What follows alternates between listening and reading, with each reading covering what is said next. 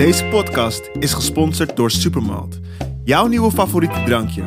Denk je, hey, ik heb zin in een non-alcoholisch cafeïnevrij moutdrankje met zoete smaak? Zoek dan voor het oranje-gele flesje bij jou in de supermarkt.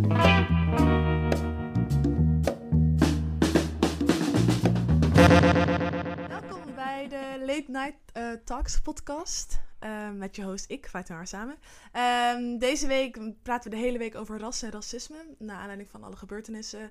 ehm, de afgelopen paar weken naar aanleiding van de dood van George Floyd. Ehm, en alle social media, protest, alles wat daarin is gekomen, willen wij als Late Night wil ik eigenlijk de diepte induiken in een aantal onderwerpen. En dat doe ik deze keer niet alleen. Eh, dat doe ik met eh Yara Michels. Michels. Ja. Ja. Eh, eind, oud eindredacteur van, hoofdredacteur van Luna Meijden, zelf ondernemer, fashion queen. En, en Mark Sorry. Derby. Ja, ik Ehm, hoopte dat ik de ja. fashion, En fashion queen, Queen Mark Derby. Ehm, jij bent CEO en op, oprichter ook? Of alleen CEO van Vi- Vacature via, Vacature? ja, ja. oprichter ook, ja. Ehm, en zelf dus ook ondernemer. Ja, en eh, werkt ook in de muziek, manager van Dio. Ja. Ehm, dus eh, is dat, eh, doe je nog meer? Dat? Nee, nee, dat, dat is het. Dat sums it ja, up. Ja, ja, dat vandaag gaan we het hebben over commercialisering van eh, black culture en de Black Lives Matter. En eigenlijk is de hoofdvraag een beetje van hoe kan je als wit bedrijf, die succesvol is geworden door zwarte cultuur, of überhaupt succesvol is, de, de juiste verantwoordelijkheid nemen online en eh, buiten binnen de organisatie. En ik wil eigenlijk een beetje van het onderwerp een beetje neerzetten voordat ik met jullie in gesprek ga. Want in de afgelopen nou, decennia is de populariteit van black culture gestegen en een groot onderdeel geworden van de popcultuur. Maar aan de flipside zijn het diezelfde bedrijven die zich over de jaren heen niet hebben uitgesproken over black issues of niet genoeg, te weinig. Ehm, en ook te weinig mensen van kleur op de werkvloer hebben of in het managementteam, waardoor de zwarte gemeenschap het idee hebben dat ze worden nou ja, uitgebuit of niet genoeg gerepresenteerd of niet genoeg een zeg hebben daarin. Ehm, en dan wil ik gelijk even een clip laten horen van de man van Serena Williams. Hij is de oprichter, medeoprichter van Reddit. En hij heeft onlangs besloten om zijn functie neer te zetten na 15 jaar. En hij kan het het beste zelf, zelf vertellen. 15 years ago, I co founded Reddit as a place for people to find community and a sense of belonging. It is long overdue to do the right thing. I'm doing this for me, for my family, and for my country. I'm saying this as a father who needs to be able to answer his black daughter when she asks, What did you do? So, I have resigned as a member of the Reddit board. I have urged them to fill my seat with a black candidate. And I will use future gains on my Reddit stock to serve the black community, chiefly to curb racial hate. And I'm starting with a pledge of $1 million to Colin Kaepernick's Know Your Rights camp. I believe resignation can actually be an act of leadership from people in power right now. And to everyone fighting to fix our broken nation, do not stop. Wat zijn jouw eerste gedachten, Jaren? Wist je het eigenlijk al? Of, Ja, eh? ja, ik eh, heb het veel voorbij zien komen. En ehm, ik vond het eigenlijk wel een heel ehm, sterk besluit. En ook radicaal. Radicaler dan je van veel andere merken en mediabrands ziet. Mhm. Eh, ik zie eigenlijk hele uiteenlopende uitingen online van soort van vage quotes in pasteltinten tot zo'n actie als deze. En toch je, je toppositie verlaten van een bedrijf dat je zelf bent begonnen omdat je vindt dat er andere stemmen gehoord moeten worden, dat ben ik eigenlijk nog nergens tegengekomen. En er worden nu heel veel CEO's eh uitgekald, ook van merken waar ik zelf groot fan van was en eh, vaak dingen van heb gekocht die ik nu eigenlijk niet meer goed kan supporten, omdat ik het daar gewoon niet mee eens ben. En Mhm. ja, daar zie je toch hele andere acties. Dus ik vond dit echt eh, heel ballsy en eh, indrukwekkend. Ja. Mark? Nou, allereerst echt heel vervelend dat ik dit eerste voorbeeld niet wist. Mhm. maar ik heb wel heel goed geluisterd. Ik wist dit niet. Ik wist het ook Ehm, niet. oh, oké. Nee. Oké, nou, ik heb... Ik heb Maar er is zoveel. Ja, er ook is zoveel voorbij gekomen. niet, eh, Ehm, ik heb wel eh, eh, ehm, eh, gehoord van, volgens mij iemand ergens in een politiekorps. Ik weet niet of het een witte vrouw of man was die zijn functie heeft neergelegd. En een, ehm, een soort eh, een, eh, iemand die net naast of onder hem of haar functioneerde, die zwart was, die functie heeft gegeven. Dat heb ik wel gehoord. Een soort gelijk iets. Ja. Mm. Ehm, de- ja, dit is een heftig statement waar ik alleen maar ook achter kan staan. Omdat ik denk dat dit de boodschappen zijn die ehm, mensen aan het denken zetten. Mhm. En ehm, eh, sterker dan dit kan je het bijna niet doen. En kan, het Ja. je, kan je het je bijna niet voorstellen. Dus dat is gewoon prachtig. Ik gewoon trots als je Ja, dat hoort. ja. Dat, dat, dat, dat is wat, wat hem eh, heeft gedreven om een boodschap te kunnen vertellen. ja, Ja, Ik was ook echt- echt heel erg verrast. Ja. Het is inderdaad eh, heftig, zoals jij zegt, maar ook echt radicaal. Het is eigenlijk een beetje wat we misschien de afgelopen paar weken hebben afgedwongen. Mhm. Of wat mensen online probeerden, probeerden af te dwingen. En nu we het toch over online hebben. eh, er zijn ook inderdaad heel veel, heel veel merken die een soort van... ehm, worden geforceerd om zich uit te spreken. eh, en bedrijven die worden geforceerd om zich uit te spreken over, over wat er nu eigenlijk aan de hand is. Mark, wat is wat, is wat jij eh, merkt online ehm, van de respons van voornamelijk bedrijven en, en merken als het aankomt op Black Lives Matter? Ehm, ik vind het nog wel tegenvallen eigenlijk. Ja? Eh, ja, dus ik vind het heel normaal dat je dat doet. Ik denk dat, en, en volgens mij is dat waar we, waar we het vandaag over gaan hebben, dat je als bedrijf moet je wel maatschappelijk betrokken zijn, want je bedrijf moet wandelen, dus er moeten mensen werken. Eh, en als je enigszins zinnig bent, vind ik, dan kan iedereen die goed is in zijn werk dat doen. En op het moment dat dit dan naar boven komt, is dat een nummer één maatschappelijke issue van dit moment. En moet je je daarover uitspreken.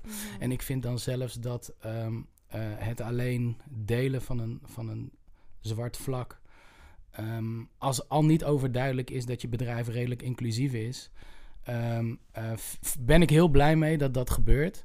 Ik hoop alleen niet dat het een, een, een, een makkelijke methode is om je te uiten. Mm. Eh, ehm, zeker niet als je geconfronteerd wordt en voelt dat jij onderdeel bent van het type bedrijven dat. En zo kan het lopen, omdat je niet eerder op de hoogte was of op de hoogte gesteld. Of jezelf daartoe geïnformeerd hebt. Laat Ja. dit dan het moment zijn.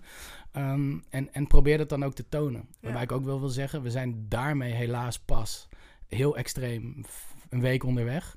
Dus eh, ik ga niet iedereen afserveren bij wie ik het niet zie. Ja. Eh, maar ik denk dat het, dat het sterker kan nog dan dat het nu gebeurt. Ja. Ik vind ook dat ik dat ook nog eens moet vinden. Ja, ja ik, ik, ik zie ook inderdaad heel veel, wat je zegt, pastel, aesthetically pleasing, een soort van sensitive, over nagedacht, mooie lettertype font. Mhm. Ehm, behalve de zwarte vlakjes ook dat soort Mhm. eh, dingen voorbij komen op Instagram van merken die ik ook heel tof vind.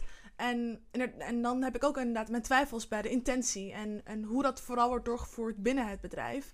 Ehm, wat zijn voorbeelden die jij wel tof vindt van mensen die, of in ieder geval van merken of bedrijven die dat eh, op social media hebben gedaan, Jaren? Ehm, nou, ik, ik eh, moet ook allereerst nog zeggen dat, zeg maar, dat iets aesthetically pleasing is en een boodschap heeft, vind ik zelf ook een moeilijke. Want ik denk inderdaad, sommige kanalen hebben ook een miljoenen bedrijf, eh, bedrijf en bereik, omdat het er op een bepaalde manier uitziet. Is het dan niet juist ook weer slim als ze dat inzetten? Maar soms slaat het ook weer helemaal door in dat het bijna een soort eh, Instagram challenge lijkt of zo. Ja. De Black Lives Matter beweging. Ja. Dat vind ik echt ongelooflijk. Maar om een voorbeeld te noemen van een merk. L'Oreal is een van de grootste bedrijven ter wereld. Een enorme force. Er zit ontzettend veel geld in. Liggen natuurlijk vaker onder vuur. eh, ook rondom, eh, nou ja, van alles. Ehm, die werden ook nu, eh, nadat ze volgens mij een zwart vlakje hadden gepost, of iets anders over waar ze doneerden bijvoorbeeld, ontzettend aangevallen vanuit een ehm, black transgender activist uit Amerika, Monroe Bergdorf, waar ze eerder mee hadden gewerkt, maar haar later weer van een campagne af hadden Ja, gehaald. dat las omdat, ik. Ja, omdat ze toch niet binnen het profiel zou passen, of omdat ze het toch te spannend vonden. Ik weet niet wat de beweegreden precies was. Eh, en zij kwam best wel eh, duidelijk en fel uit de hoek met... Fuck you, L'Oreal. Jullie kunnen dit niet zeggen, want dit is niet...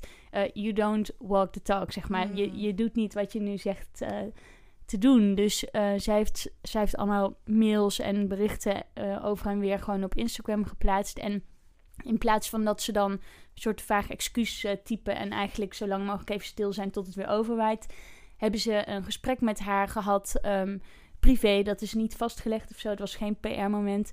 Ehm, ze hebben gedoneerd aan een stichting waar zij achter stond. En ze hebben haar een officiële betaalde positie binnen hun board gegeven om ze, zeg maar, eh, de weg te leiden. Ja, ja. precies. Te educaten en de weg te leiden richting meer diversiteit, ook op de lange termijn. Dus ik vond dat wel een heel mooi voorbeeld van een merk. Oké, je hebt fouten gemaakt, je hebt dingen verkeerd gedaan, maar ja, je- moet ook verder aan dingen leren en ook echt wat voor actie ga je dan nemen en Mhm. op de lange termijn. En ik vind dat wel goed om te zien. Ja, Ja. in plaats van dat mensen allemaal eh, boos worden over het verleden, verleden en zeggen: Oké, we cancelen dit merk nu. Want er zit ook heel veel kracht in zo'n groot merk, weet je wel, om, ja.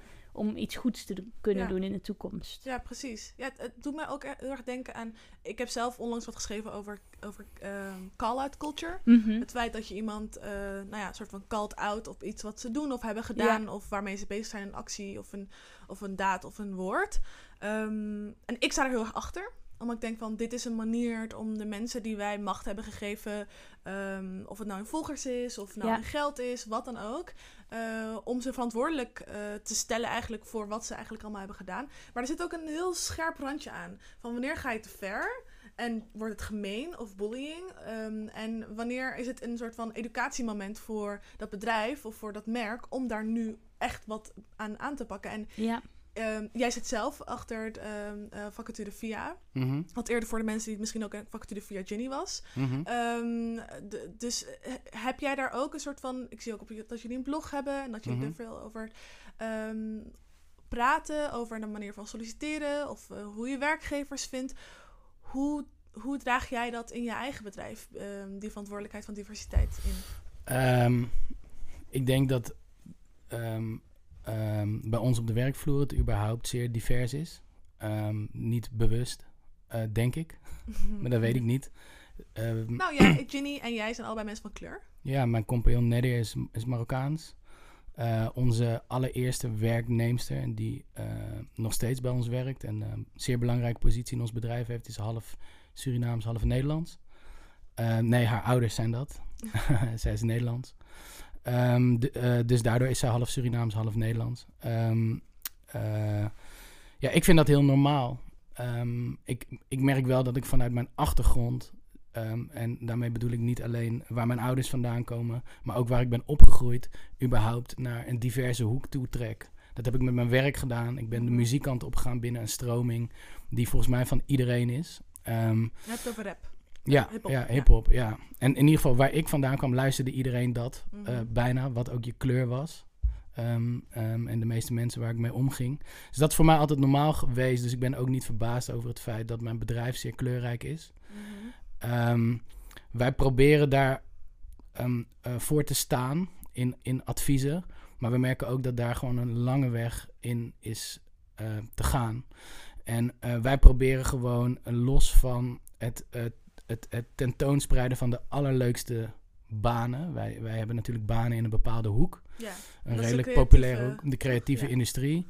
Ehm, eh, proberen wij in onze communicatie ehm, ook de bedrijven die bij ons plaatsen en bij ons willen plaatsen, ehm, eh, zo open mogelijk te benaderen en de gesprekken gaande te houden. Dat is tegelijkertijd heel moeilijk, want je mag volgens de wet gewoon niet op voorkeur eh, mensen selecteren of naar voren schuiven. Dus ehm, een bedrijf mag ook niet tegen mij zeggen: ja, we hebben alleen maar vrouwen op de werkvloer, dus een man zou wel leuk zijn. Oh, ja. Dat mag niet. Nee. Nee, je, je moet gewoon een sollicitatie, een vacature plaatsen. Een sollicitatieproces opengooien. Iedereen mag solliciteren. En je mag nergens in je voorkeuren ehm, eh, een, een criterium noemen eh, wat gekoppeld is aan een persoon. Mhm. Oh, dat Eh, wist ik eigenlijk niet. Ik dacht dat je wel zou mogen, soort van ergens tussen de lijntjes zou mogen communiceren. Dat je bijvoorbeeld een diverser team heel erg op prijs zou stellen. Dus dat je in- op die manier selecteert. Of dat je bijvoorbeeld dus een vrouw of een man zou Dat- zoeken of zo. Maar het ja. mag dus niet. Nee, dat is heel menselijk en heel logisch. Ja. En ik vind dat ook heel goed. Mhm. Maar volgens de wet mag dat niet. Oké. Maar En- toch zie je dat. Ja. Ik, ik bedoel, ik heb de afgelopen tijd heel veel naar vacatures gekeken. En ik zie wel heel vaak van... ehm, we, we... Ik zou er bij voorkeur een leuke vrouw willen. ja, Ja, toch? Ja, Ik heb het ook wel eens gelezen. Oh ja? Nou, die heb ik niet gelezen. Maar ik heb Oh. wel gelezen... ehm, ehm, we- ja, ik zeg het even in Engels, maar zo van... We urge diverse mensen om te solliciteren op deze Mhm. functie. Dat heb Ik heb het ook vaker gezien. Ja? En eh, voor mij, ik interpreteer dat als iets positiefs inderdaad. Van Ja, oké, je wil het openbreken. Maar ik ben ook benieuwd of deze beweging, of je ook al iets ziet, weet je wel. Maar eigenlijk wat jij zegt is, is natuurlijk iets wat je niet zou moeten neerzetten. Want je zegt Ja. verkapt, hey, jullie moeten wel weten, iedereen mag solliciteren. Eigenlijk is dat heel logisch. Mhm. Uh-huh. Eh, en natuurlijk mag je dat zeggen, ehm, maar het is een vrij open deur wat mij Ja. betreft. Wat je niet mag zeggen is, ik zoek een vrouw, ik zoek een man, ik wil iemand Ja. die gay is, ik wil iemand van kleur. Ja. Ik zou heel graag iemand met een hoofddoek willen. Terwijl Ja. ik me kan voorstellen Ja. dat je dat wil. ja. Ehm, ik vind ook dat je dat moet willen. Eh, Ja. ehm, als, jij, als jij binnen deze samenleving als bedrijf, als merk wil functioneren. Maar vooralsnog mag het officieel niet. Maar het is ook wel, ik voel ook wel ergens, ehm, het is ook een open deur. Maar het is ehm, ook een beetje een gesloten deur voor sommige mensen. Nee, En- ja, tuurlijk. Een deur Ja. waar ze. En dus ik heb ook het gevoel van. We, we, als ik dat lees, eerlijk, oprecht, dat ge- het geeft mij wel meer een soort van. Oh, chill. Als ik daar, als ik daar solliciteer, heb ik wel meer kans dat ze me aannemen. Mhm. ho- Hoewel ik eh, zwart, moslim, eh, vrouw Mhm. ben. Ehm, terwijl als ik, dat, als ik dat niet lees, dan heb ik. Niet dat ik denk van, oh, ik ga niet solliciteren. Maar ik heb wel zoiets van. Mhm. Ehm, Ik hoop dat. Ik hoop Ja. dat. ja, Ja, ja, ja. Ja, ja, precies. tuurlijk. Ja. de allereerste keer toen ik, eh, ehm, ik, toen ik 17 was of zo, ging ik solliciteren bij Noisy voor een stage. een zomerstage. En, eh, of 18 of zo. En ehm, ik, had hem een, aan het, ik had een hele brief geschreven waar ik vet trots op was. En aan het einde had ik geschreven van... eh, ik weet dat ik een hoofddoek draag, maar ik ben nog steeds heel cool of zo. Ehm, en toen werd ik dus uitgenodigd voor- op een gesprek met de toenmalige einddirecteur van Noisy. En, ehm, en toen zei zij van, dat had je niet hoeven zeggen. Tof dat je het hebt gedaan, maar dat had je niet hoeven doen. Want we hadden je waarschijnlijk toch ehm, uitgenodigd op een gesprek. Maar daar heb ik dan toch mijn vraagtekens bij. Mhm. Omdat ik denk van, oké, die zin, it made me stand out. Waardoor ze denken van, oh oké, deze meid is, ik weet niet wat ze denken. Maar misschien iets waarvan ze denken, waar ze een vraagteken bij zetten. Ehm, en waardoor, ze, waardoor het misschien net iets meer incentive geeft om mij dan toch uit te nodigen voor een gesprek. Dit zou ik overigens nu niet meer doen. Eh, maar ik, ik vind het ook wel een soort van, als ik er nu op terugdenk en nu ook hardop over, na, eh, over praat, denk ik, oh, het is wel gek dat ik die urgentie dan toen toch voelde. Mhm. Omdat ik dan zo bang was dat ik niet uitgenodigd zou worden bij die coole stageplek die ik zo graag wilde. Ja. Ehm, Het is heel erg. ja, het, Is, het, is, het is heel erg. Mhm. En volgens mij hoeft dat nu minder, niet. In ieder geval in Nederland minder, geloof, hoop ik, geloof ik. Ehm, Ik denk, ik denk, ik Ja, denk waar wij leven, ja, en dan heb ik het echt over Amsterdam. Eh, laat ik het zo zeggen, over de, de, de randsteden die gewoon overduidelijk een meer multiculturele samenleving hebben. Wij vinden een groot aantal dingen normaal die als je toch meer het land ingaat, de- wat gewoonweg niet zo is. mhm. En, eh, eh, en ik denk ook vaak dat ehm, eh, zwarte mensen. eh, ehm, ik probeer ook. Het is, er is hier wel beeld bij, hè, geloof ik. Ik Ja. wil niet met in wij en zij praten, dus Nee. daar, daarom benoem ik het op die manier. Ehm, ook vaak niet weten. Eddie Murphy heeft daar ergens begin jaren tachtig een gra- grap over gemaakt. Over dat. eh, hij zei eh, op een gegeven moment zegt van. eh, ja, volgens mij worden we niet meer zoveel nigger genoemd. En toen zei hij ja, of het komt omdat we zo genoemd worden als we er niet bij zijn.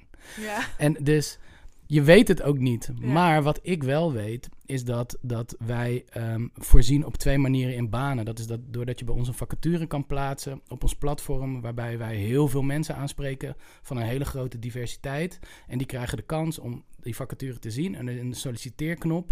En dan kom je via een invulformulier direct bij de HR-persoon of wie dan ook de sollicitaties bij dat bedrijf aanneemt. Daar zitten wij dus niet tussen. Wij verzorgen alleen het, het platform en wij staan voor creativiteit en, Mhm. en diversiteit en coole, leuke banen. Mhm. Maar er zijn ook een, een, een groot aantal klanten die ons vragen: willen jullie de selectie doen? En dan stellen wij mensen voor. Dan gaan we ook met een, gaan we met een bedrijf praten van eh, wat voor functie is het, wat voor type persoon zoek je. En dan hebben we het puur over de vorm van assertiviteit, de kwaliteit, et cetera. We mogen het in feite dus niet hebben over geslacht, leeftijd, eh, afkomst, eh, noem maar op. Ehm, en ik probeer altijd ook een, een, een, een diverse selectie door te geven. En ik kan gewoon helaas niet anders zeggen dat in die selectie degenen die dat divers maken, uiteindelijk vaak niet op gesprek gevraagd worden. Mhm.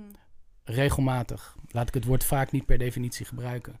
Eh, ehm, en, daar, en daar is altijd wel een reden voor. Ik denk dat de dingen die jij noemt, Mhm. ehm, type persoon, wat voor persoon nodig is voor de functie, assertiviteit, ehm quick on your feet zijn, Mhm. of eh, geen 9-to-5 mentality, of Ja. al die dingen die dan soort van vaag in een toffe Ja. eh, description worden genoemd. daar zit zoveel tussen de regels, zoveel vaagheid. Mhm. Eh, werkcultuur moet binnen onze werkcultuur passen. Dat, ik kan me best wel voorstellen dat er zoveel vaagheid tussen zit... dat je eigenlijk op die manier ook wel kan profileren... wat voor persoon je zoekt. En als dat een Amsterdams bedrijf is, dan is het vaak een functie waar ik in elk geval mezelf niet in zie. Als Mhm. zo van ehm, ehm, een leuk meisje. En dan denk Mhm. ik vaak een blond eh, meisje wat gewoon op een leuk PR-bedrijf, Mhm. in een leuk PR-bedrijf zou kunnen werken of zo. Terwijl ik zou dat misschien wel kunnen doen en dan misschien niet helemaal passen bij hun werkcultuur of hoe zij dat ook Mhm. zien. En ik Mhm. denk dat die vaagheid, dat is nou hoe ik het zie, heel gevaarlijk kan zijn. Ja, ik wil trouwens wel vooropstellen dat de diverse selectie niet op basis is van ik wil een diverse selectie Ja, ja, ja. eh, voorschotelen. Het is op basis van kwaliteit. Ze zijn allemaal, hebben ze genoeg kwaliteit om. Het, het gaat niet om positieve discriminatie. Ehm, ja, wat jij zegt, ik denk dat het een wisselwerking is. Ik vind, eh, eh, maar, ik denk dat dat meer inhoud is. Inderdaad, 9 tot 5. Geen 9 tot 5 mentaliteit is naar mijn mening al niet zo heel veel meer waard. Nee. en het zijn inderdaad allemaal zeer luchtige termen. Ehm, eh, maar, maar duidelijk heb jij daar al een beeld bij. Als je al die termen leest op basis van wat een bedrijf dan zou zoeken, namelijk Ja. een, een, een blond PR-meisje. Ehm, ik moet eerlijk zeggen dat ik, dat ik dat niet per se weet.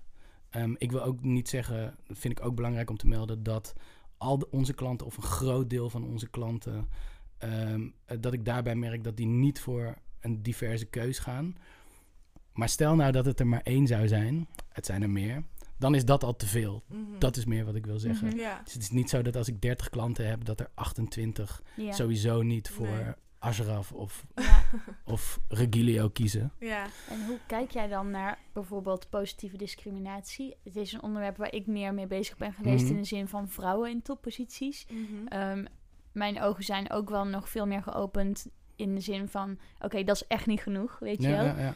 Ehm, hoe kijk jij tegen bijvoorbeeld quota of positieve discriminatie of wel bewust ook Mhm. zo met diversiteit bezig zijn binnen bijvoorbeeld een groot bedrijf? ja, ik denk dat het niet meer onder de noemer positieve discriminatie moet vallen, maar onder de Mhm. noemer diversiteit. En ik vind dat je divers moet willen selecteren. Dus ik, ik denk ook uh, iedereen die dit kijkt of luistert, uh, lezen het stuk van uh, Baba Touré. Zoek hem op op LinkedIn of op Facebook. Hij heeft gisteren of eergisteren een, een stuk geschreven um, uh, vanuit zijn uh, persoon, maar ook Mhm. zijn eigenaarschap van Hammer, Hammerfest. Hammerfest.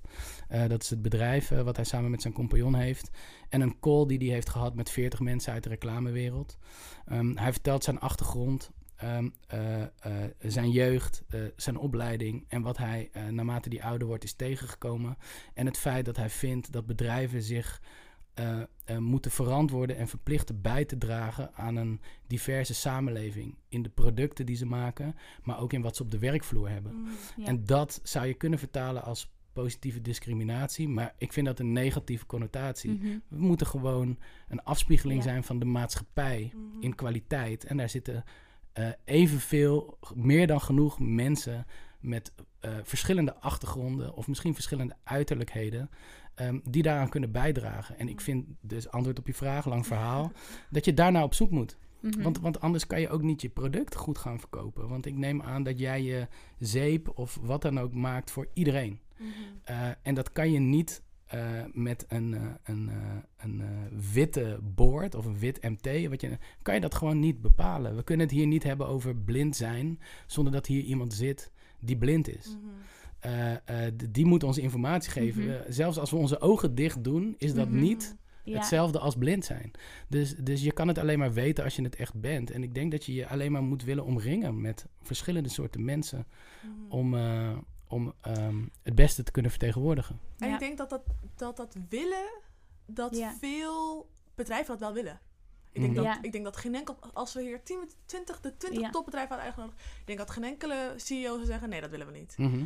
Maar wat ik vaak merk in de gesprekken die ik heb met mensen in, in topposities of CEO's of wat dan ook, ehm, die spreken uit dat ze het lastig vinden eh, waar ze dat kunnen vinden. Mhm. ja, dat hoor ik ook heel vaak. Van ze komen niet naar ons toe. Ja, Wat ik ook snap als je een heel wit bedrijf bent bijvoorbeeld, dat je niet uitnodigend per se bent. Of, en in die zin vraag ik me dan hardop af van, wat is dan de beste manier om snel toch tot verandering te komen, weet je wel? Mhm.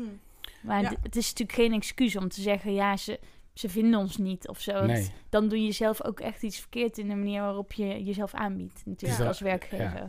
Sterker nog, het is natuurlijk onzin. Ja, Ehm, begin met googlen. ja, Eh, l- vraag, je kent vast wel iemand die je Ja. daar meer over kan vertellen. Ja. eh, eh, op de een of andere manier.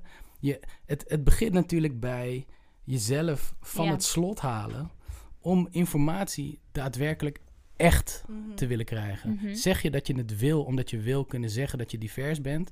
Of wil je echt divers zijn omdat je Mhm. gelooft in het feit dat dat je gewoon een betere afspiegeling geeft van iedereen waar je mee werkt, eh, waar je voor werkt. En daarmee bedoel ik aan wie je je product wil verkopen of je dienst of je... ja. Dus ik weet niet waar ik moet beginnen.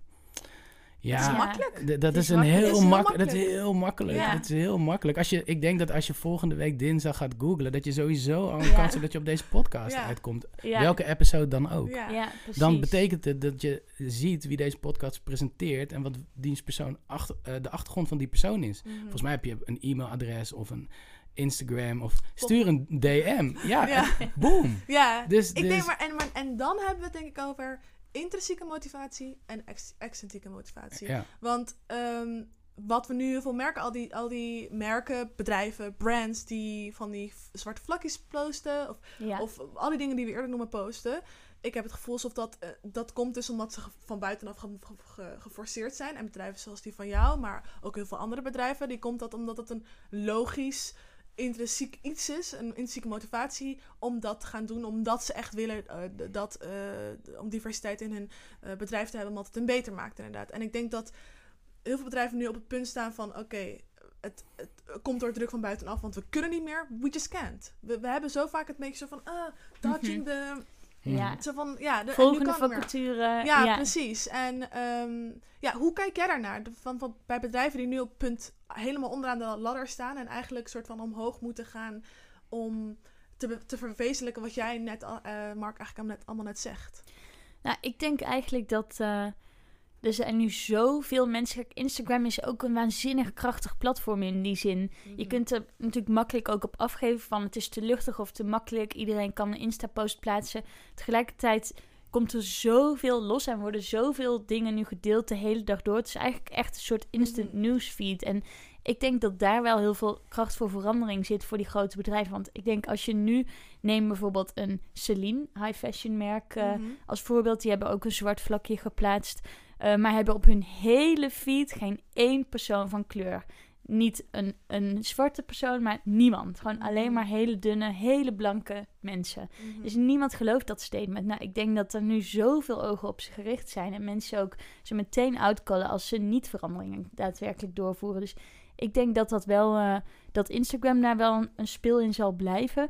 En ik denk ook dat het radicaler moet. Mhm. Misschien moet iemand, eh, moet de CEO aftreden, weet je wel. Dat heb ik ook bij Bando gezien. Een, een merk wat ik eh, zelf, wat echt een van mijn voorbeeldmerken was. Het gaat heel erg over mental health bij vrouwen. En Mhm. eigenlijk eh, door producten je een gelukkiger leven geven. En, en het is een stationary merk. En er zijn allemaal verhalen naar buiten gekomen. En die CEO is nu afgetreden.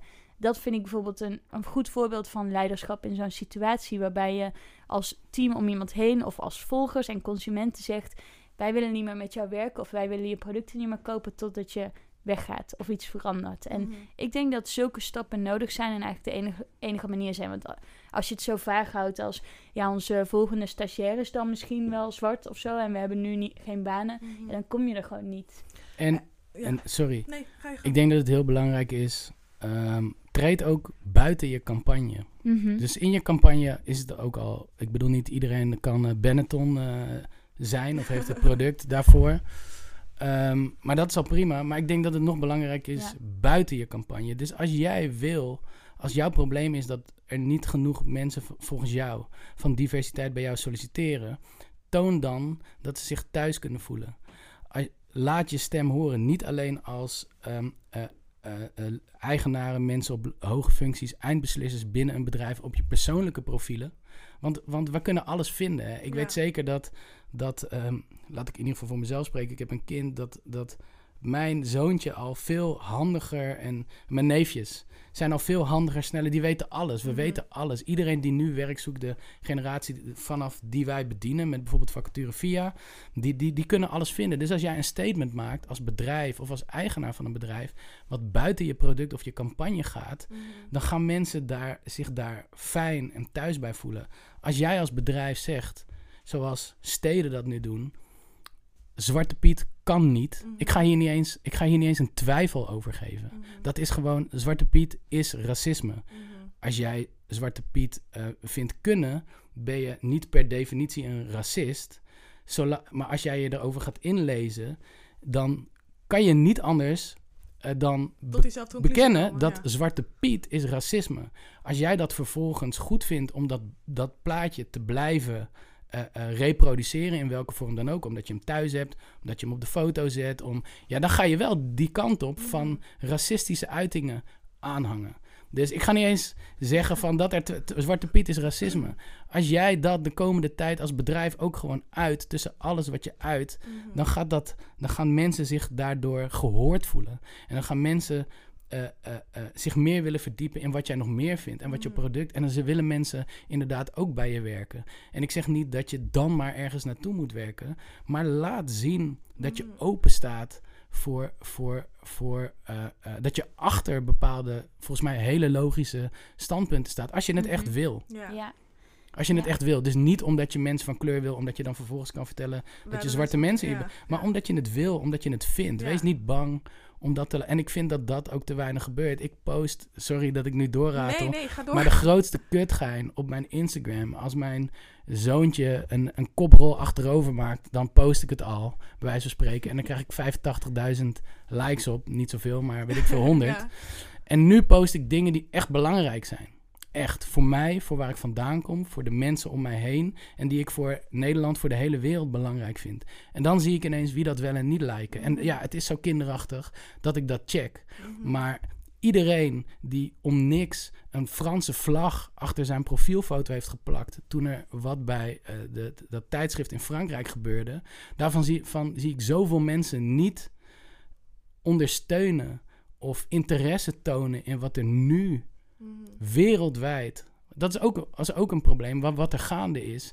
Omdat, ja, waarom? Ben je bang om te laten weten dat je vindt dat dat niet klopt? Of vind je Mhm. echt dat het niet klopt? Ik heb het idee dat het ook heel vaak het eerste is. Dat mensen niet door anderen geconfronteerd willen worden van... oh, Mhm. ben je dan nu eh, anti-white? Mhm. Nee, laat je, Ja. als jij inclusief mee wil gaan... laat je dan horen. Steun Mhm. dat. Laat Ja. je stem horen. Er is geen ander, an- ander alter- alternatief dan nu op dit moment expliciet, Expliciet. racistisch te zijn. Expliciet. Er is geen, er is eigenlijk, en er wordt ook heel weinig ruimte gecreëerd daarvoor, Mhm, voor de klopt. bedrijven die weer. Daarom Ja. post- posten ze een zwart vlakje. Daarom Ja. posten ze aesthetically pleasing quotes. Omdat zij geen keuze hebben anders dan zich nu op die manier te uiten. En ik denk dat, ik denk dat wat jij zegt is inderdaad van zend een signaal altijd. Doe die dingen altijd. Eh, En niet alleen maar wanneer je erop wordt, met je met de feiten op de neus wordt gedrukt, Ja. toch? Dat is wat je zegt. Ja, en niet per se als het binnen je campagne is. Als Ja. jij dit vindt, Mhm. En binnen En welke jij- campagne, wat bedoel je daar dan mee? Nou ja, ik kan, eh, ik kan eh, boeken verkopen. En, ehm, of laat ik een ander voorbeeld geven, zeep. Mhm. En zeggen, nou ja, ik doe nu eh, eh, drie witte mensen en één zwarte op de ja, foto. Ja, Mhm. Celine, ik ga ook met zwarte modellen werken. Oké, tuurlijk, top, Ja. fijn, ik wil dat zien. Ik wil zien dat ook ik, iemand die op mij lijkt... of op mijn vader of wat dan ook vertegenwoordigd wordt. Want ja, dat, dat hoort... eh, eh, eh, ehm, dat, dat, je moet voorbeelden hebben. Kinderen moeten voorbeelden hebben die op hun lijken. Mhm. En niet voorbeelden die neer worden gezet als een clown of een slaaf. Mhm. Ja. Laat me daar gewoon op terugkomen. Dat, Ja. dat, dat kan gewoon niet in de kern. Maar los van dat, binnen je product. Dat, binnen je product is het makkelijk. Want binnen je product is het sowieso niet echt. Want niet iedereen die jouw zeep gebruikt is Cindy Crawford. Mhm. Dus je kan er dan twee zwarte mensen naast zetten. Wat ik vind dat je moet doen. En, en, een, en een Aziatisch persoon. Mhm. Maar daarbuiten, laat zien waar je dan voor staat. Mhm. Als merk of als bedrijf. Want Ja. dan gaan, gaan mensen wel denken: oh ja, maar daar wil ik solliciteren. Want zij hebben zich uitgesproken dat ze het politiegeweld verschrikkelijk vinden. Of dat ze tegen Zwarte Piet zijn. Ik voel me gehoord. Ik vind het leuk om iemand te zien in een, in een perfect plaatje wat een commercial is. en ik ben blij om dat steeds vaker terug te Ja. zien. Dat als mensen thuis gaan eten, dat ik eh, gemixt, een gemixt gezin zie. Ja. Of, en steeds op een, Zeeman is Op- een goed voorbeeld. ja, steeds op een natuurlijkere manier. Eerst Ja. had je echt het idee, ah, de drie vrienden van Amstel hebben er een zwarte vriend bij. Ja. En dan denk ik, ja, wat ben ik nou? Ben ik dan, ben ik nu aan het zoeken naar, oh, jullie gaan het proberen? Of moet ik daar, Appie Dan- van Albert Heijn. ja, moet ik daar dan cool mee zijn? Moet ik juist blij zijn dat het gebeurt? Of vind ik het te, laten we vieren? Mhm. Maar ik vind dat het steeds meer een afspiegeling is van de maatschappij. Ik zie mezelf in reclame. Ik ben zelf, mijn moeder is, is, is wit, mijn vader is zwart. Eh, dus ik zie iemand van mijn kleur. Of ik zie mijn ouders in een reclame met een kind. Hè, Mhm. wat, op mij, wat op mij lijkt. Ja. Dat is een ontwikkeling. Ja. Dat is namelijk een afspiegeling van de samenleving Ja. En daar maar moet, ik, ik denk dat je, zo net ik onderbreek, ik denk, ik denk dat je blij kan zijn of trots kan zijn op wat we hebben bereikt. Of wat, of, ja, wat we hebben bereikt. En tegelijkertijd kritisch. Mhm. Ik denk dat dat hand in hand gaat. Mhm. Ja. Ik denk dat Mhm. je tof, dat je blij kan zijn dat Zeeman nu mensen heeft die, ehm, weet je wel, er anders uitzien of divers zijn. En dat je tegelijkertijd daar kritisch op kan zijn op een bepaalde Ja, manier. en het is ook nog steeds, los van dat er nog steeds merken zijn die het niet doen, ook wel de, een makkelijke manier, weet je wel. Ja, precies. Ja. Je kunt een castingbureau opbellen en uit allerlei leuke mensen, ook gekleurde mensen of zwarte mensen kiezen. En dat is dan de effort die je hebt gedaan of het risico wat je nam. Ja. Dat is natuurlijk heel beperkt. Maar ik denk als je. Neem bijvoorbeeld de beauty-industrie. Daar komen deze discussies natuurlijk heel vaak Ja. ook naar voren. Omdat ga je maar tot 22 shades van foundation. Dan vallen er automatisch al mensen buiten je profiel van een merk. Die mogen dus niet meedoen met een luxe Ja. beauty-markt bijvoorbeeld. Als je dan bijvoorbeeld kijkt naar Sephora, de grootste beauty-retailer. Die, daar ben ik nu ook veel over aan het lezen van. Hoe pakken zij dat dan bijvoorbeeld aan?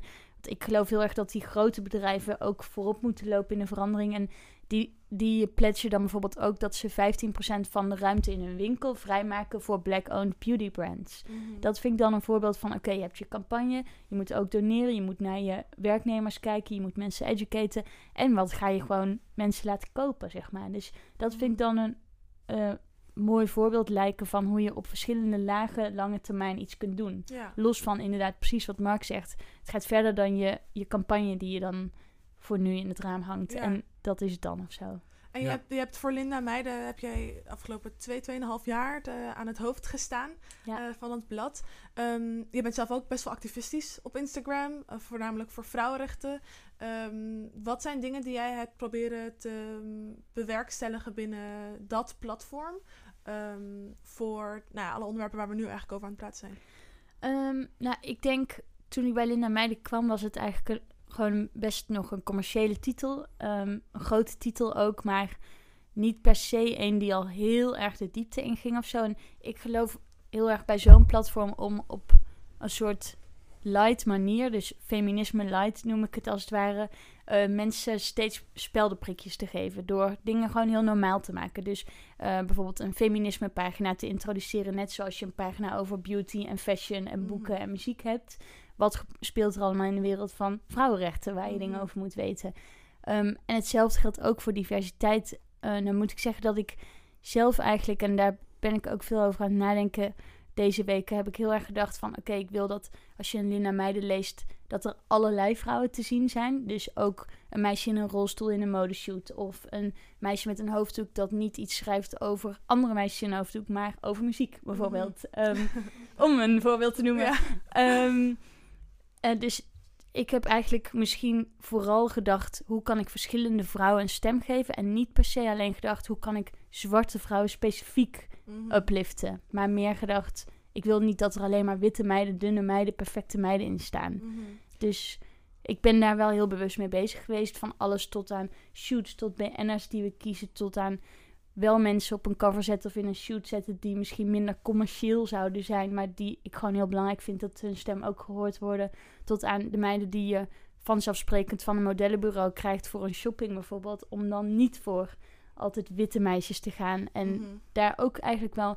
Ja, ik heb daar wel vrij bewust een stelling in genomen van... Het, ik, het moet divers zijn als je het doorbladert. Iedereen moet zich ergens kunnen herkennen. Ja, want dat, Dat- dat... is, dat is een beetje het ding. Ik heb, ik heb me, toen ik jonger was, heb ik nooit een meidenblad thuis Nee. gehad. Nee. Ook om, de voornaamste reden was gewoon niemand niemand zag eruit zoals ik. Nee, Of mijn vrienden. dat is echt heel erg. Of ja. zelfs light skin mensen. Mhm. Gewoon niemand zag eruit. Dus ik, ik ben eigenlijk helemaal Ja. niet opgegroeid met eh, meidenbladen. Nee, Eh, dat is niet ik, jouw wereld. Ja, het is helemaal niet, ik, helemaal niet in mijn wereld. Het, ze Nee. spraken niet over dingen die ik interessant vond.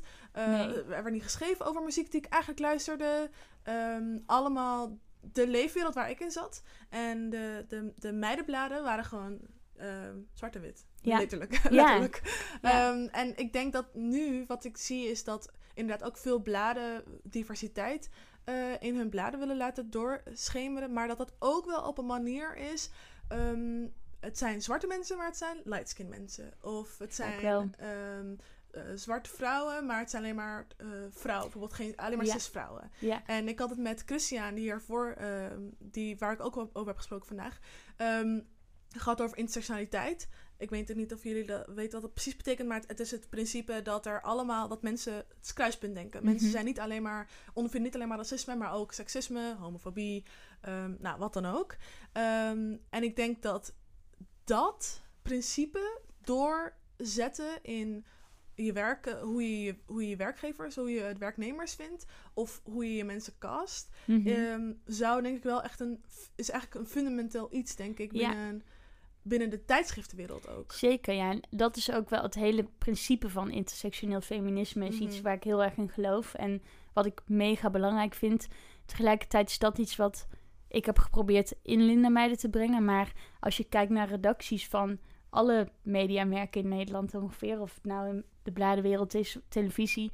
die zijn dat allemaal niet. Mhm. Dat bijna niet in ieder geval. Ik zou daar geen perfect voorbeeld van kunnen noemen. Dat is En gewoon een, dat is gewoon een probleem. dat is Ja. wel een probleem. Dat is gewoon een probleem. Ja. Jij, eh, Want dat zijn toch opiniemakers. En er zijn stukken die niet geschreven worden, ook in bijvoorbeeld een Linda Meijermijn in elk blad, omdat ik bijvoorbeeld als witte hoofdredacteur niet tegen een thema aanloop. Of weet je wel, de- Mhm. er zijn dingen die een witte beauty-redacteur misschien niet meeneemt, die daardoor veel te specifiek gaat over white sta- beauty standards. Mhm. En dat, eh, ik vind wel, ik was bij de Mercures, dat is dan een, een soort Oscars van de bladenwereld. En bijna iedereen in die zaal is wit. Alle makers van print in Nederland bijna zijn wit. Ja. Op, op een bepaald hoog niveau dan. Hè?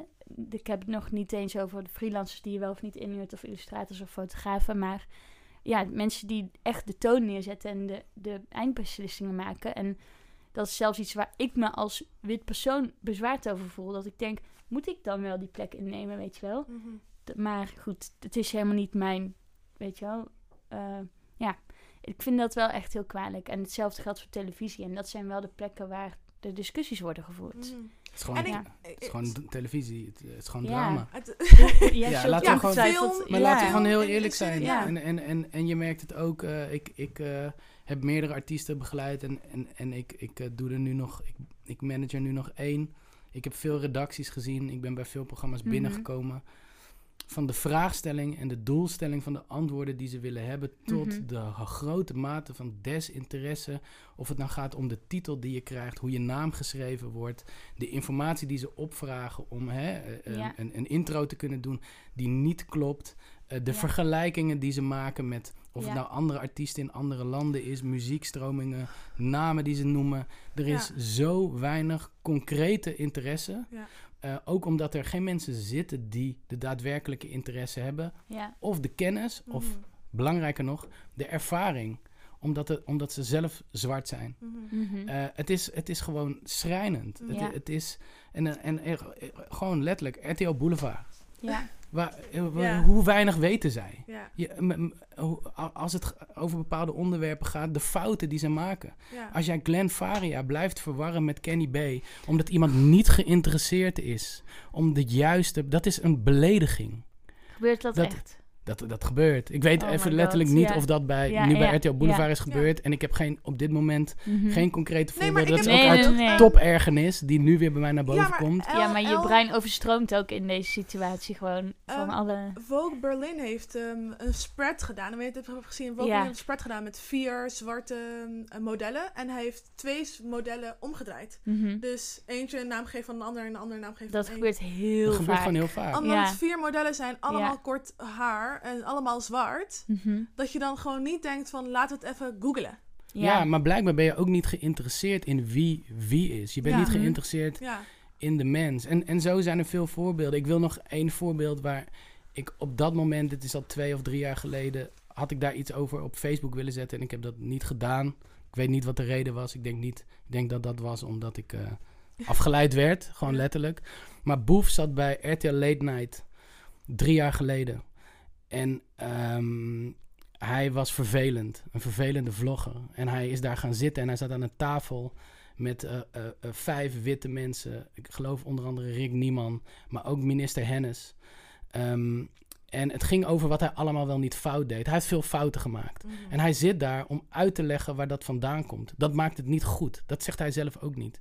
En op een gegeven moment zegt hij: Je moet je voorstellen dat als jij, en ik kan dat uit eigen ervaring vertellen, of de reden goed is of niet, maar als jij ehm, eh, zo vaak in je leven aangehouden wordt door politie ehm, eh, voor controles. Kijk, los van als het gebeurt als je echt iets fout hebt gedaan, maar dan nog in eerste instantie moeten ze normaal tegen je doen. Mhm. Maar je wordt ook gediscrimineerd door de politie. Er worden dingen tegen je gezegd. Dan is het op een gegeven moment genoeg. Dan, wil je, dan is het nog steeds prima om opgepakt te worden. Maar iemand moet wel normaal tegen je doen. Tenzij je zelf niet normaal ja. doet. En hij zei op een gegeven moment... Maar de politie, je moet niet vergeten, die provoceert ook. En die noemt Mhm. mij ook kut of K-Marokkaan. En dat, of dat dat gebeurt is een heel ander gesprek. Maar toen ging minister Hennis zeggen... Luister eens jongeman, alsof hij een kleuter was van drie. De politie in Nederland provoceert niet. Ja. Toen dacht ik bij mezelf: hoe weet jij dat? Hoe durf jij dat op nationale televisie? Hoe durf jij dat te zeggen? Ik ga niet elke politieagent over één kam scheren. En, dus, en, en, en men doet hun werk. Maar stellen op tv tegen een jongen die vanuit een probleem wat hij inderdaad creëert, maar wat ook ergens uit voortkomt, dat is een wisselwerking, dat ook op tafel legt en hem niet vragen. Oké, dit is de eerste keer dat ik dat hoor. Ja. Maar wil je dan vertellen hoe dat... Nee, hij werd geschoold. Mhm. Hij werd in een hoek gedreven en geschoold. En dit staat los van de dingen die hij wel of niet goed heeft gedaan. En dan denk ik, er is geen kennis. Hoe durf Ja. jij iemand... Ja. Dat, dat, dat- en dat, dat vind ik gewoon... Het dat- dat- overkoepelend thema voor mij is arrogantie. ja, Die Mhm. witte redacties hebben arro- zijn arrogant. Zij denken, oh, maar dat weten wij wel. ja. Oh, ehm, maar ben je Marokkaans? Algerijn? Maakt niet uit. Poef, eh, Marokkaans. Het is, het is een bepaalde arrogantie van wij hebben geen andere, wij hebben geen andere invloeden nodig aan tafel. Eh, ook een bepaalde soort luiheid van oh, ze komen niet naar ons toe. Dat excuus waar we net over hadden, ik kan ze niet vinden. School voor journalistiek is ook zo wit. Ja, zij gaan daar ook niet naartoe. Wij kunnen ze niet vinden. Eh, dat, dat is er op eh, bij de. Ik bedoel, ik heb, ik heb zelf, ik beweeg zelf in die wereld binnen de redacties. Mhm. Waar ik ben laatst nog opgebeld met Hey Fatima. ehm, door een redactie met Hey Fatima. ehm er is natuurlijk heel veel aan de hand. We willen een verhaal maken over racisme. Ehm, en maar er zijn wat gevoeligheden. Ik ben een oud collega van die persoon. Ehm, zou jij misschien ons advies willen geven? Dat ik denk van, sorry, maar je, je zit op een redactie. Waarom heb je geen mensen om je heen Ja, ja. die dit weten? Waarom heb Ja. je zelf niet de kennis eh, opgedaan of iemand ingeschakeld, iemand betaald misschien wel, om jou die kennis te geven, zodat je op de juiste manier eh, hierover kan rapporteren? Waarom moet ik onbetaald als een soort van ben ik sowieso niet mee eens, inderdaad. als een soort Ja. van diversiteitsexpert. Terwijl ik, ik ben geen expert. Ik ondervind racisme. Ik word geforceerd om hierover na te denken. Ik word geforceerd om hier keuzes over te maken. En in mijn dagelijks leven, elke dag, ook wanneer ik de kruidvat instap, ook wanneer ik met mijn moeder in de blokker stap. ehm, om eh, hierover na te denken. En dan zouden jullie als redactie de verantwoordelijkheid moeten nemen. Nu, maar eigenlijk altijd. Waarin je zegt van, weet je, we weten het niet. Ik schakel iemand in die ons kan helpen om de juiste mensen op, de ple- op, plekken te zetten, zodat wij het nieuws op de juiste manier kunnen, eh, kunnen doen voor Ja. de mensen. En ik denk dat die arrogantie, wat jij ook zegt, van ehm, dat een, een, minister zo tegen hem durft te praten, is Ja. omdat they just can. En ook niet weten of hij een Marokkaan is of een Ja. Algerijn. Of eh, gewoon ja, niks weten. niks uit. Ja. Niks. Niet van achtergrond, niet van situaties. Omdat je het niet mee hebt gemaakt. En dat Ja. is niet erg. Maar leer jezelf dan aan om de Ja. informatie te krijgen. Ja. En te weten waar iets vandaan komt en waar het over gaat. Ja. Want anders wordt iemand anders alleen nog maar bozer en onbegrepener. En moet het radicaler. Ja. En dat is gewoon een, een probleem. Ja. Durf nou gewoon eens kennis Ja. aan Ja. te nemen. Ja, Te weten waar je het over hebt. En niet ja. anderen te zeggen hoe het is. Ja. De politie in Nederland provoceert niet. Hoe weet je dat? ja. Hoe weet je dat? Heb je Ja. ze allemaal gesproken? Ja. Ben je heel vaak aangehouden? Heb je een steekproef van alle 80 keer dat je voor niks aan de kant bent gezet? en er met een zaklantaarn op je raam geslagen wordt. Er wordt geen goedenavond gezegd en er wordt om je papieren gevraagd. En er wordt nog iets benoemd van je karakter. Mhm. Oh, staat deze auto op jouw naam? Dat krijgen omdat je in een dure auto rijdt. Verbaasd. Hoezo kan dat niet? Mhm. Dat doet pijn. Ja. Dat is ook provoceren. Mhm. Probeer dat eens te erkennen en daarnaar te luisteren en te weten hoe het zit. Dan pas mag je tegen iemand zeggen wat hij wel of niet fout doet. Omdat je Mhm. dan kan herkennen waar het misschien vandaan komt. En dan kunnen we elkaar helpen. Maar niet van tevoren vanuit jouw toren zeggen hoe het zou zitten. Mhm. Denken jullie dat dat ook nu, nu deze beweging natuurlijk wereldwijd en met zoveel mensen omarmd wordt als het ware, dat die verandering ook echt gaat komen? Of wat is jullie verwachting? Ik denk het wel. We Ja, have to. Eh, Ja. Ik, denk, ik denk, ja. Ik geloof, ik moet wel geloven wel, maar ik geloof Mhm. het ook wel. Het voelt een beetje, ik weet niet of jullie dat ook voelen, maar het voelt een beetje alsof we op een, dat zei ik ook al eerder, op een kantelpunt eh, Ja. Mhm. zitten. En dat, ik bedoel, het gevoel hebben we vaker gehad, veel vaker. Ehm, maar het voelt een beetje alsof er een shift is van knowledge en van verantwoordelijkheid dragen, ook bij witte mensen, om nu echt het gesprek aan te gaan. Daardoor worden al die merken, wat je ook zegt, van nu ook in- en voelen ook een druk om zich uit te spreken, omdat ze gewoon niet langer kunnen. Mhm. En ook zij moeten, moeten deel uitmaken van het gesprek. ja. En ik denk dat ik denk dat, dat dat nu aan de hand is. Ja, dat En- is wat ik ook denk. En ik denk dat we vertrouwen moeten hebben in, in, in de jonge generatie en onze kids. Ja, Tijdens de demonstraties zie je dat er veel jonge mensen zijn. ja. En ik denk ook dat er door het internet ehm, ehm, en, en bijvoorbeeld de opkomst van de populaire cultuur, ook binnen de muziek. Ik denk dat de muziek heel erg verbindt. Dat iemand die ergens in de, in de achterhoek woont, heel erg in touch kan zijn met het, het randstedelijke van multiculturaliteit. Dat zie je ook aan een merk als Daily Paper. Mhm. Wat, eh, ja, toen ik eh, eh, 14 was, kon ik, moest ik, en ik, ik, ik kom uit Utrecht, moest Oh, ik echt, echt, echt zoeken en reizen naar, weet ik veel, een bepaald soort. Nike's die ik ergens in een of ander tijdschrift had gezien bij een basketballer of wat dan ook. En nu luistert iedereen naar ehm Frenna. Ja. En eh, willen er zo Ja. uitzien. Ja. Ja. en dat is normaal. Het is normaal dat jouw vriendje zwart is. En dat je dezelfde taal spreekt, letterlijk en figuurlijk. Dus dat bedoel ik van het Nederlands tot en met de invloeden van straattaal. Je bent niet meer verbaasd Mhm. als je iemand ziet die er anders uitziet dan jij als je elf bent. Als het goed is. Mhm. Tenzij jou thuis constructief anders wordt verteld. Mhm. En ik hoop gewoon dat we door de generaties heen en dat de kids die gewoon nu interesse hebben in ander eten, ander drinken dan eh, eh, de, de, de Hollandse kost. Laat ik het zo zeggen, Ja. andere interesses.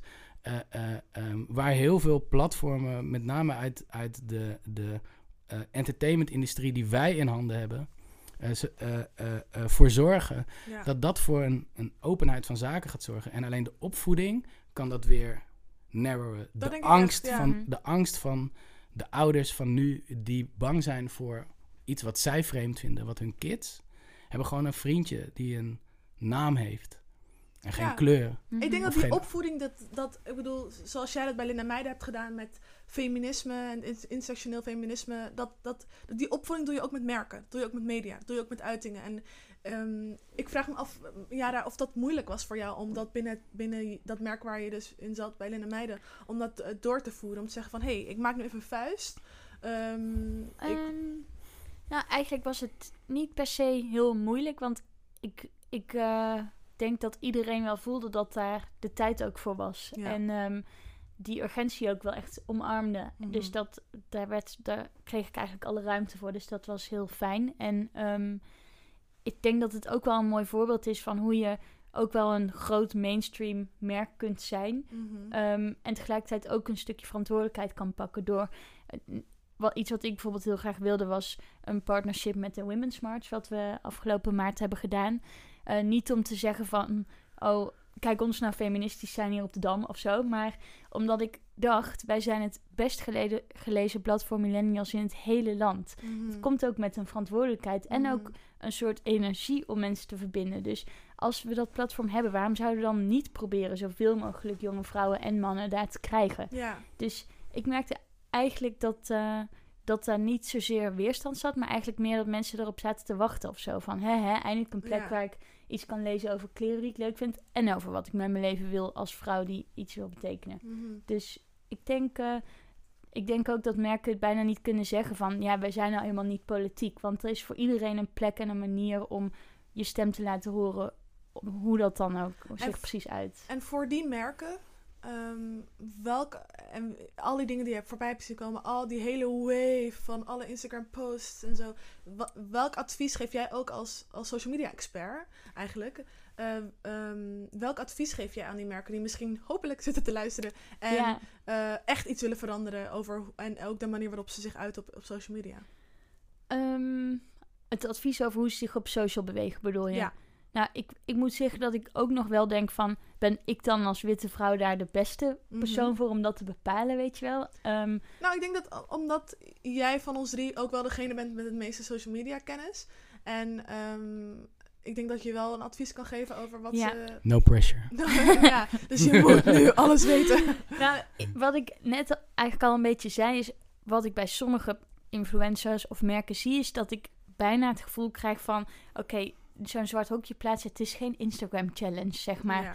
puur dat je iets deelt wat je eerst al bij andere mensen hebt gezien, waar je je niet zelf voor hoeft te verdiepen, niks zelf voor hoeft te maken, geen risico eigenlijk loopt, dat is echt niet genoeg. Dat is echt de Mhm. bare minimum. Mhm. Het is prima als je het doet, maar het zegt eigenlijk nog bijna niks. Mhm. Dus ik ben vooral wel heel erg geïnteresseerd in hoe ga je, en misschien moet je dat ook wel juist forceren in zekere zin, moet je je alles maar eens omgooien, maar hoe ga je nou je lange termijn planning, bijvoorbeeld je social planning voor het komende half jaar of jaar of vijf jaar, eh, aanpassen om hem diverser te maken. Mhm. En veel merken zijn daar ook al wel mee bezig. Maar dit is wel het moment om daar nog veel actiever jezelf op te forcen en uit te dagen. En dus dat is, zit hem in de taal die je gebruikt als je hierover schrijft. Dat je je daarop educate tot de tips die je deelt over creatievelingen of merken. Dat daar Mhm. ook businesses of color of black-owned businesses in zitten. Tot aan de blijf je doneren of hoe maak je die ruimte, weet je wel. Mhm. Dus dat, eh, daar moet je jezelf denk ik gewoon echt op uitdagen. Hoe je dat op meer momenten, op meer plekken en op meer manieren gaat doen dan alleen één zo'n Ja. post. Ik zie jou ook heel veel specifiek plaatsen over white allyship, wit bondgenootschap. Ehm, hoe jij daar zelf in staat. Wat jij nu zelf doet om jezelf te, te onderwijzen of te Mhm. educaten, te informeren over wat er eigenlijk allemaal gebeurt. Ehm, ik vraag me ook af ehm, hoe jij dat allemaal hebt aangepakt de afgelopen tijd met zoveel informatie die op je aankwam, Ja. afkwam. En wat, welk advies je ook voor mensen hebt om zichzelf nu te informeren. Nou, ik had eigenlijk ook wel die vraag bijvoorbeeld aan jou van...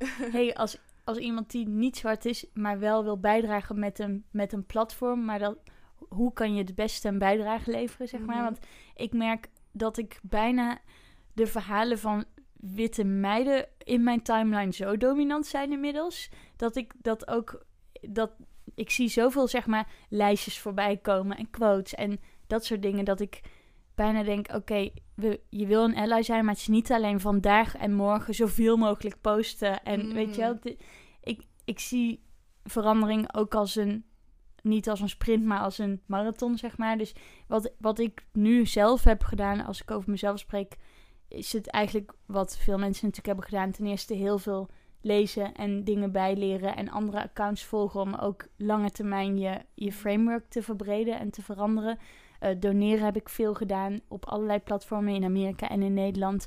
Eh, maar daarnaast denk ik, ben ik gewoon heel erg bezig met... oké, ik heb ook nog een merkje bijvoorbeeld. Hoe kan ik ervoor zorgen dat er altijd een diverse afspiegeling is van de samenleving op Ja. dat kanaal? Eh, welke illustrators ken ik nog meer, behalve de blonde meiden die ik in het verleden misschien te vaak heb ingehuurd, die ik ook een kans wil geven. Dus ik ben zelf gewoon heel erg bezig met ehm, zowel wat ik post als achter de schermen dingen veranderen. Ja. En ook mezelf checken van, hé, hey, waarom heb ik eigenlijk over dit of dit nog niet nagedacht? Want ik vind het ook wel gek dat mensen nu white allies dan alleen maar posten over eh, I'm here to listen and learn. Dan denk ik, oké, dat is super mooi en dat is goed.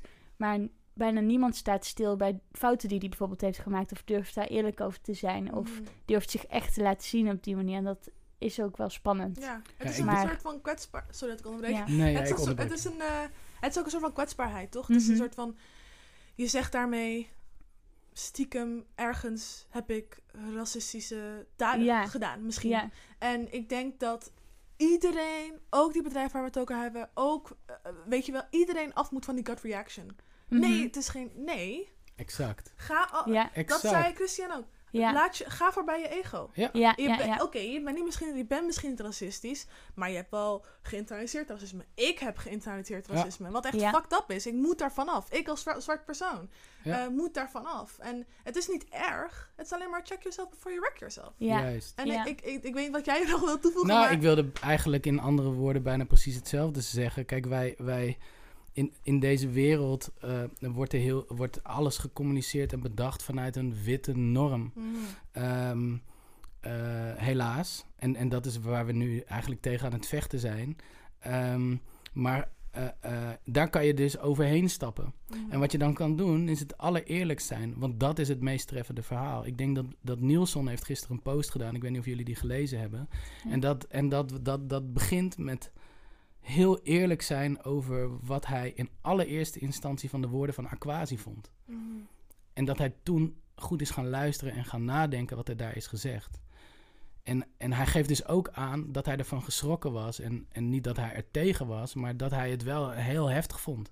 Totdat hij is door gaan luisteren en gaan nadenken. En dan schrijft hij een stuk wat zo belangrijk is vanuit hem. Mhm. Want je kan inderdaad, daarom vind ik jouw vraag naar jou toe interessant. Je kan eh, zwarte mensen, kan en moet je blijven vragen wat ze vinden.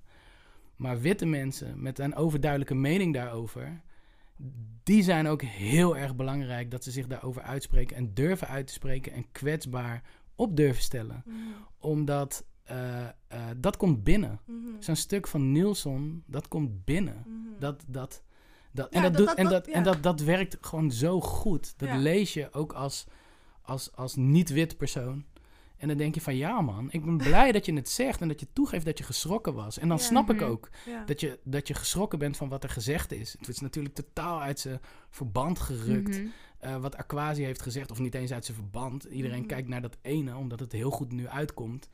Ehm, eh, maar, maar ga dan verder dan daarvan schrikken. En ga, dan, ga dan kijken waarom. En ga kijken hoe dat zit. En ga kijken hoe belangrijk die, dat ene zinnetje was ten opzichte van de hele boodschap. Want Ja. je kan gaan roepen: Het is echt jammer dat hij dat zegt. Want nu bereikt hij veel minder mensen en gaat hij voorbij aan de boodschap. Je kan ook zeggen: nou ja, dat heeft hij gezegd. Maar gelukkig is de hele boodschap voor mij wel. Belangrijk. Mhm. Ja, en dat is wat Nielsen zegt. En dat is denk ik het beste wat je kan doen in plaats van een post waarbij je eigenlijk de halve caption hebt gekopieerd Ja. van alles wat nu Mhm. Instagram populair is.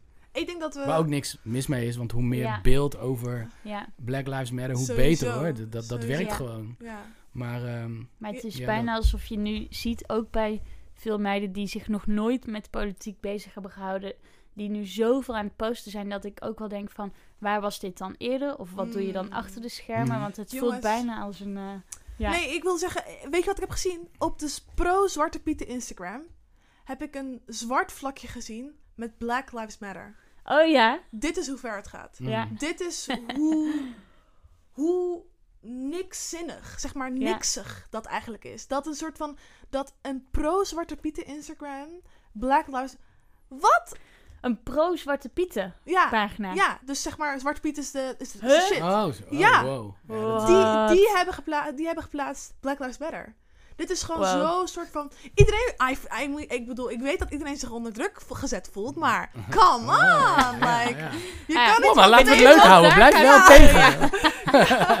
nee, maar kijk, van, wat dat, van het zwarte vlakje vind ik ook dat het is een hele makkelijke toereiking. Ik zie namelijk ook heel veel eh, Instagram grids met allerlei poses en dan één zwart vlakje. Denk ik, oh ja, het was voor jou wel handig dat je dit dan nu even kon doen. Heb je zelf vrijgepleit.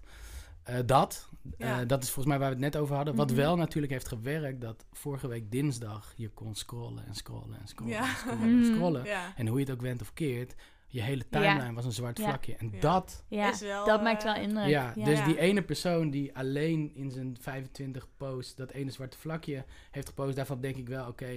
ja. Maar de movement van die dag, Ja. Mhm. Dat is wel, dat is wel je? awkward om Ja. iemand selfie te zien, zeg maar. Dan dacht je al van, Exact. ja... ja, Ja. ja, Awkward. exact. Ja. Klopt, Ehm, ja. Ik, eh, ik wil jullie echt heel erg bedanken. Ik eh, wil ook zeggen van, eigenlijk aan alle bedrijven die hopelijk aan het luisteren zijn, ja, het wordt heel ongemakkelijk. Ja. Just, Ja, het ja, ja, wordt heel ongemakkelijk. Ja. Laat het over je heen komen. Ga het gesprek aan. Want het is ook ongemakkelijk voor ons. Ja. Het is fucking ongemakkelijk. Voor ons, voor zwarte mensen, voor mensen, people of color. Het is niet leuk. Maar ehm, Ik wil jullie heel erg bedanken. Ik, ik ben echt heel blij met jullie hier. Ik denk dat we Ja, nog ja. twee uur Ja, nog verder zou kunnen gaan. Ehm, waar jij kunnen bedankt. mensen- ja, thanks. Ja, waar kunnen mensen jullie op vinden? Ehm, Mark. Eh, je, eh, je kan me op Instagram vinden. Ehm, en ik denk dat je van eh, Mark Derby aan elkaar, M-A-R-C-D-E-R-B, Griekse ei. Ehm, en daar vind je vast wel ehm, een manier om mij verder te vinden. Je kan me DM'en. Mhm. Eh, je kan, eh, er zijn link-outs naar mijn bedrijf. Ehm Als je een baan zoekt, vacature via. www.vacaturevia.nl Ehm, Dat? En mij het beste via Instagram, denk ik, ja. Ja. Jara, met de Griekse ei ook, underscore Michels. En dat is het. Nice. Dankjewel, guys. Yes, jij Thanks. ook bedankt.